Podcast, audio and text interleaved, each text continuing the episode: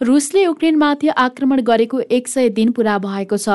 युक्रेनलाई निशस्त्रीकरण गर्न भन्दै रुसी राष्ट्रपति भ्लादिमिर पुटिनले गत फेब्रुअरी चौबिसमा विशेष सैन्य कारवाहीको घोषणा गर्दै युक्रेन विरुद्ध आक्रमण थालेका थिए। त्यस यता रुसी आक्रमणका कारण युक्रेनबाट दसौँ लाख मानिसहरू विस्थापित भएका छन् भने हजारौँ मानिसहरूको मृत्यु भएको छ।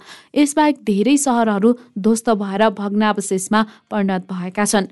राजधानी कब्जा गर्ने प्रयत्न स्वरूप सुरुवाती दिनहरूमा रुसी फौजले किब सहर आसपास व्यापक आक्रमण गरेका थिए। यद्यपि तेज युक्रेनी प्रतिरोधका कारण रुसी फौज किबबाट पछि हट्न बाध्य भए। हाल रुसी सेनाले आफ्नो सैनिक कारवाहीलाई युक्रेनको पूर्वी भागमा केन्द्रित गरेको छ। रुसी सेना हाल पूर्वी युक्रेनको सेभेरोडोनेट्सक सहर कब्जा गर्ने प्रयासमा रहेको अन्तर्राष्ट्रिय सञ्चार माध्यमले जनाएका छन्। यसैबीच रुस युक्रेन बीच जारी युद्ध एक सय दिन पुरा हुँदै गर्दा युक्रेनका राष्ट्रपति भ्लोदिमिर जेलेन्स्कीले युक्रेनको किबमा पचासवटा दूतावास पुनः सञ्चालनमा आउनुले आफ्नो देश जारी युद्धमा विजयोन्मुख रहेको दरिलो विश्वासको प्रमाण भएको बताएका छन्। जलेन्स्कीले व्यवहारिक रूपमा मात्र नभई प्रतीकात्मक रूपमा पनि यो समाचार महत्त्वपूर्ण रहेको टिप्पणी गरेका हुन्। राजधानीमा फर्कने हरेक दूतावासले आफ्नो देश युद्धमा विजयोन्मुख रहेको प्रमाण दिएको उनको बुझाइ छ। द किभ इन्डिपेन्डेन्ट अखबारले उल्लेख गरे अनुसार यसअघि भारतीय विदेश मन्त्रालयले पोल्यान्डबाट अस्थायी रूपमा सञ्चालित युक्रेनमा रहेको भारतीय दूतावासले मे सत्रबाट किबमा पुनः सञ्चालन गर्ने बताएको थियो। जारी द्वन्द्वका बीच अपरेसन गङ्गा नामक कारवाही अन्तर्गत भारतले युक्रेनका विभिन्न विश्वविद्यालयमा अध्ययनरत बाइस हजार पाँच सय भारतीय नागरिकहरूलाई सुरक्षित रूपमा स्वदेश फिर्ता गराएको थियो। यसअघि अस्थायी रूपमा पोल्यान्डको राजधानी वार्साबाट सञ्चालित युक्रेनमा रहेको भारतीय दूतावास मे सत्रदेखि किबबाट नै पुनः सञ्चालन हुने विदेश मन्त्रालयले विज्ञप्ति मार्फत जनाएको छ। युक्रेनमा जारी द्वन्द्वका कारण बिग्रिएको सुरक्षा अवस्थाका कारण मार्च तेह्रमा दूतावास अस्थायी रूपमा वार्सामा सारिएको थियो। पोल्यान्डमा दूतावासलाई अस्थायी रूपमा सार्ने निर्णयको जानकारी दिँदै त्यसबेला विदेश मन्त्रालयले थप घटनाक्रमहरूको आधारमा स्थितिको पुनः मूल्याङ्कन गरिने बताएको थियो। युक्रेनमा बिग्रँदै गएको सुरक्षा अवस्था र देशको पश्चिमी भागहरूमा जारी आक्रमणहरूका कारण युक्रेनमा भारतीय दूतावास अस्थायी रूपमा सञ्चालन हुने बताइएको छ। यसैबीच अमेरिकी विदेश मन्त्रालयका प्रवक्ता नेट प्राइसले अमेरिकी दूतावासका कर्मचारीहरूलाई उनीहरूको सुरक्षाको लागि स्थानान्तरण गरिरहेको बताएका छन्। हामीले युक्रेनको सार्वभौम सत्ता र क्षेत्रीय अखण्डताप्रतिको हाम्रो प्रतिबद्धतालाई जोड दियौँ हाम्रो सहयोग जारी राख्ने बाचा गर्यौँ र हामी के फर्कने दिनको लागि काम गर्न थाल्यौँ अमेरिकी विदेश मन्त्रालयको विज्ञप्तिमा जनाइएको छ। विदेश मन्त्रालयका प्रवक्ताले युक्रेनी जनताले आफ्नो सुरक्षा सहयोगमा रुसको अप्रत्याशित आक्रमणबाट आफ्नो मातृभूमिको रक्षा गरेका छन् र दूतावासमाथि फेरि अमेरिकी झण्डा उडिरहेका छन् भने भन्ने यसको परिणाम रहेको रूपमा टिप्पणी गरेका छन्। हामी गर्वका साथ खडा छौँ युक्रेनको सरकार र जनतालाई समर्थन गर्न जारी राख्छौँ किनभने उनीहरूले आफ्नो देशलाई क्रेमलिनको क्रूर आक्रामक युद्धबाट बचाउँछन् प्राइसले विज्ञप्तिमा बताएका छन्। उनले भने कि फर्कने सहकर्मीहरूको सुरक्षा बढाउन थप उपायहरू गरिएको छ र सुरक्षा उपाय र प्रोटोकलहरू बढाइएको छ। हामी हाम्रा अगाडिका चुनौतीहरूको सामना गर्न प्रतिबद्ध छौँ।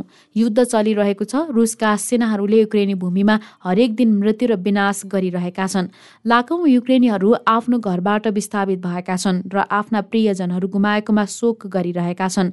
हामी त्यहाँका जनता र शासनप्रति हाम्रो प्रतिबद्धता पुनः जाहेर गर्छौँ। अमेरिकी विदेश मन्त्री एन्टोनी ब्लिङ्कनले ट्विटरमा भनेका छन् अमेरिकी ध्वजा केपको दूतावासमा फेरि उडेको छ। म घोषणा गर्न सक्छु हामीले आधिकारिक रूपमा युक्रेनको राजधानीमा दूतावास पुनः सञ्चालन गरेका छौँ। हामी युक्रेनको रुसको सरकार र जनताको साथमा गर्वका साथ खडा छौँ। पुटिनको क्रूर आक्रमणबाट आफ्नो देशको रक्षा गर्नुहोस् स्लाभा उक्राइली।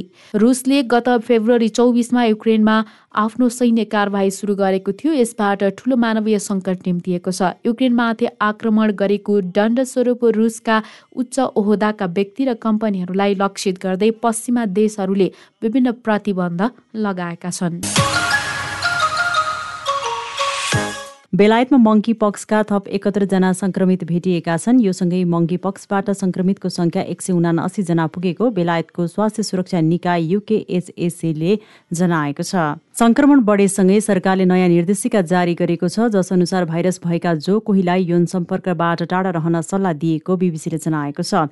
स्कटल्यान्डमा चार उत्तरी आयरल्यान्डमा दुई र वेल्समा एकजनामा मङ्की पक्स देखिएको छ। शरीरमा रातो फोका देखिनु र हल्का ज्वरो आउनु मङ्की पक्स संक्रमणका लक्षण हुन्। भाइरस संक्रमित र उनीहरूको सम्पर्कमा रहेकालाई एक्काइस दिनसम्म घरमा अलगै बस्न भनिएको छ। भारतमा चौबिस घण्टाको समयावधिमा चार हजार एकचालिसजना नयाँ कोरोना भाइरसका संक्रमित थपिएको भारतको स्वास्थ्य तथा परिवार कल्याण मन्त्रालयले जानकारी दिएको छ। अघिल्लो चौबिस घण्टाको तुलनामा पछिल्लो चौबिस घण्टामा कोरोना संक्रमितको संख्या करिब एक हजारले बढेको छ। गत मार्च एघारमा कोरोना संक्रमितको संख्या चार हजार एक सय चौरानब्बे पुगेको थियो। त्यसपछि कोरोनाको संक्रमितको संख्या घट्दै गएको थियो। चौबिस घण्टामा दुई हजार तिन सय छत्तिसजना कोरोना संक्रमित निको भएपछि कोरोनाबाट मुक्त भएकाको कुल संख्या चार करोड छब्बिस लाख बाइस हजार तिन सय चौरानब्बे पुगेको छ। हाल कोरोना भाइरस मुक्त दर अन्ठानब्बे दशमलव चौरात्तर प्रतिशत रहेको जनाइएको छ। भारतमा कोरोना सुरु भएदेखि हालसम्म कुल पचासी करोड सत्र लाख परीक्षण भएको छ। भारतमा सन् दुई हजार एक्काइस जनवरीबाट राष्ट्रव्यापी खोप अभियान सुरु गरिएको थियो। सो समयदेखि हालसम्म एक अर्ब त्रियानब्बे करोड तिरासी लाख भन्दा बढी डोज खोप लगाइएको छ। अफ्रिकी मुलुक केन्याको पूर्वमा भएको एक प्रदर्शनमा प्रहरीले गरेको कारवाहीमा परि कम्तीमा पनि चारजनाको ज्यान गएको छ। केन्याको मासिम्बा क्षेत्रमा प्रदर्शनकारीहरूले प्रहरीका विरुद्धमा आन्दोलन गरेका थिए। उनीहरूको भिडलाई रोक्ने क्रममा प्रहरीले गोली चलाएको थियो। गोली लागेर ती आन्दोलनकारीको ज्यान गएको प्रहरीले जानकारी दिएको छ। सो क्षेत्रमा जङ्गली जनावरले दुःख दिएपछि त्यसका विरुद्धमा सरकारले कुनै कदम नचालेको भन्दै प्रहरीका विरुद्धमा स्थानीयले प्रदर्शन गरेका थिए। सो प्रदर्शनमा परि अरू सातजना घाइते भएका थिए। उनीहरूको स्थानीय अस्पतालमा उपचार जारी रहेको बताइएको छ। प्रहरीले दिएको जानकारी अनुसार हालै सो क्षेत्रमा हात्तीले एकजना स्थानीय शिक्षक मारेको थियो। जङ्गली जनावरबाट बचाउन सरकारले कुनै कदम नचालेको भन्दै स्थानीय त्यसका विरुद्धमा आन्दोलनमा उत्रिएका हुन्। यमनका लागि संयुक्त राष्ट्रसङ्घका विशेष दूत हान्स ग्रुन्डबर्गले यमनका युद्धरत पक्षहरूले अर्को दुई महिनाको लागि अहिले जारी युद्ध विरामलाई विस्तार गर्न सहमत भएको जानकारी गराएका छन्। हालको सम्झौता अवधि समाप्त भएपछि नयाँ सम्झौता लागू हुनेछ। यमन समय अनुसार साँझ सात बजे ग्रुन्डबर्गले संयुक्त राष्ट्रसङ्घको वेबसाइटमा जारी गरेको लिखित वक्तव्यमा भनिएको छ। यो सम्झौता दुई अप्रेल दुई हजार बाइसमा पहिलोपटक लागू भएको मूल सम्झौताकै शर्तमा विस्तार गरिएको हो विज्ञप्तिमा भनिएको भनिएको छ। उनले रमजानको पवित्र महिनाको पहिलो दिन सुरु भएको र बिहिबारको दिन समाप्त भएको राष्ट्रव्यापी सन्धिको निरन्तरता सुनिश्चित गर्दै भने विगत महिनाहरूमा यमनका युद्धरत पक्षका प्रतिनिधिहरू र उच्च पदस्थ राजनीतिज्ञहरूसँग श्रृङ्खलाबद्ध बैठकहरू आयोजना गरेपछि यो सम्झौता भएको हो।